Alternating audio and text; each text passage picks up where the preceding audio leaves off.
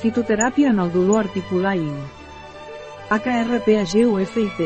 L'Arpagopitum procumbens és molt utilitzat per les seves propietats analgèsiques i antiinflamatòries, antioxidants i condroprotectores i les principals indicacions són artrosi, dolor articular, osteoartritis, dolor lumbar. HRPAGUFIT a la farmacopea europea, la droga, arpagòpit i radix, ve definida com a arrels secundàries tuberoses tallades i dessecades d'Arpagopitum procumbens de o Arpagopitum zayeri d'Egna.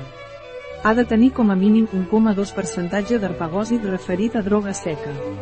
La farmacopea també parla d'extracte sec d'arpagòsit referit a droga seca. La farmacopea parla també d'extracte sec d'arpagòpito. Aquest ha de tenir com a mínim 1,5% d'arpagòsits.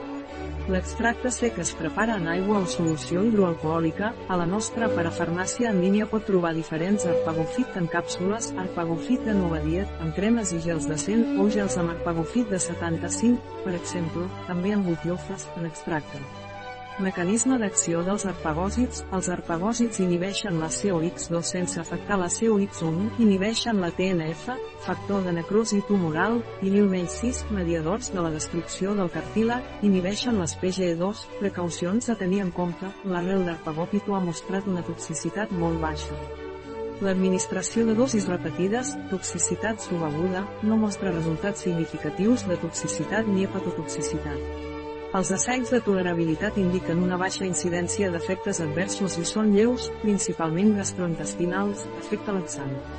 No obstant això, cal utilitzar l'arpagòpito amb precaució en cas d'úlcera gàstrica o duodenal, embaràs, lactància i en obstrucció de conductes biliars. També pot interaccionar amb fàrmacs anticoagulants i els utilitzats en afeccions cardiovasculars com arítmies o hipertensió arterial.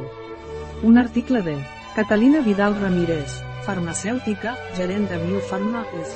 La informació presentada en aquest article no substitueix de cap manera l'assessorament d'un metge, qualsevol menció en aquest article d'un producte no representa el suport dels objectius de desenvolupament sostenible a aquest producte.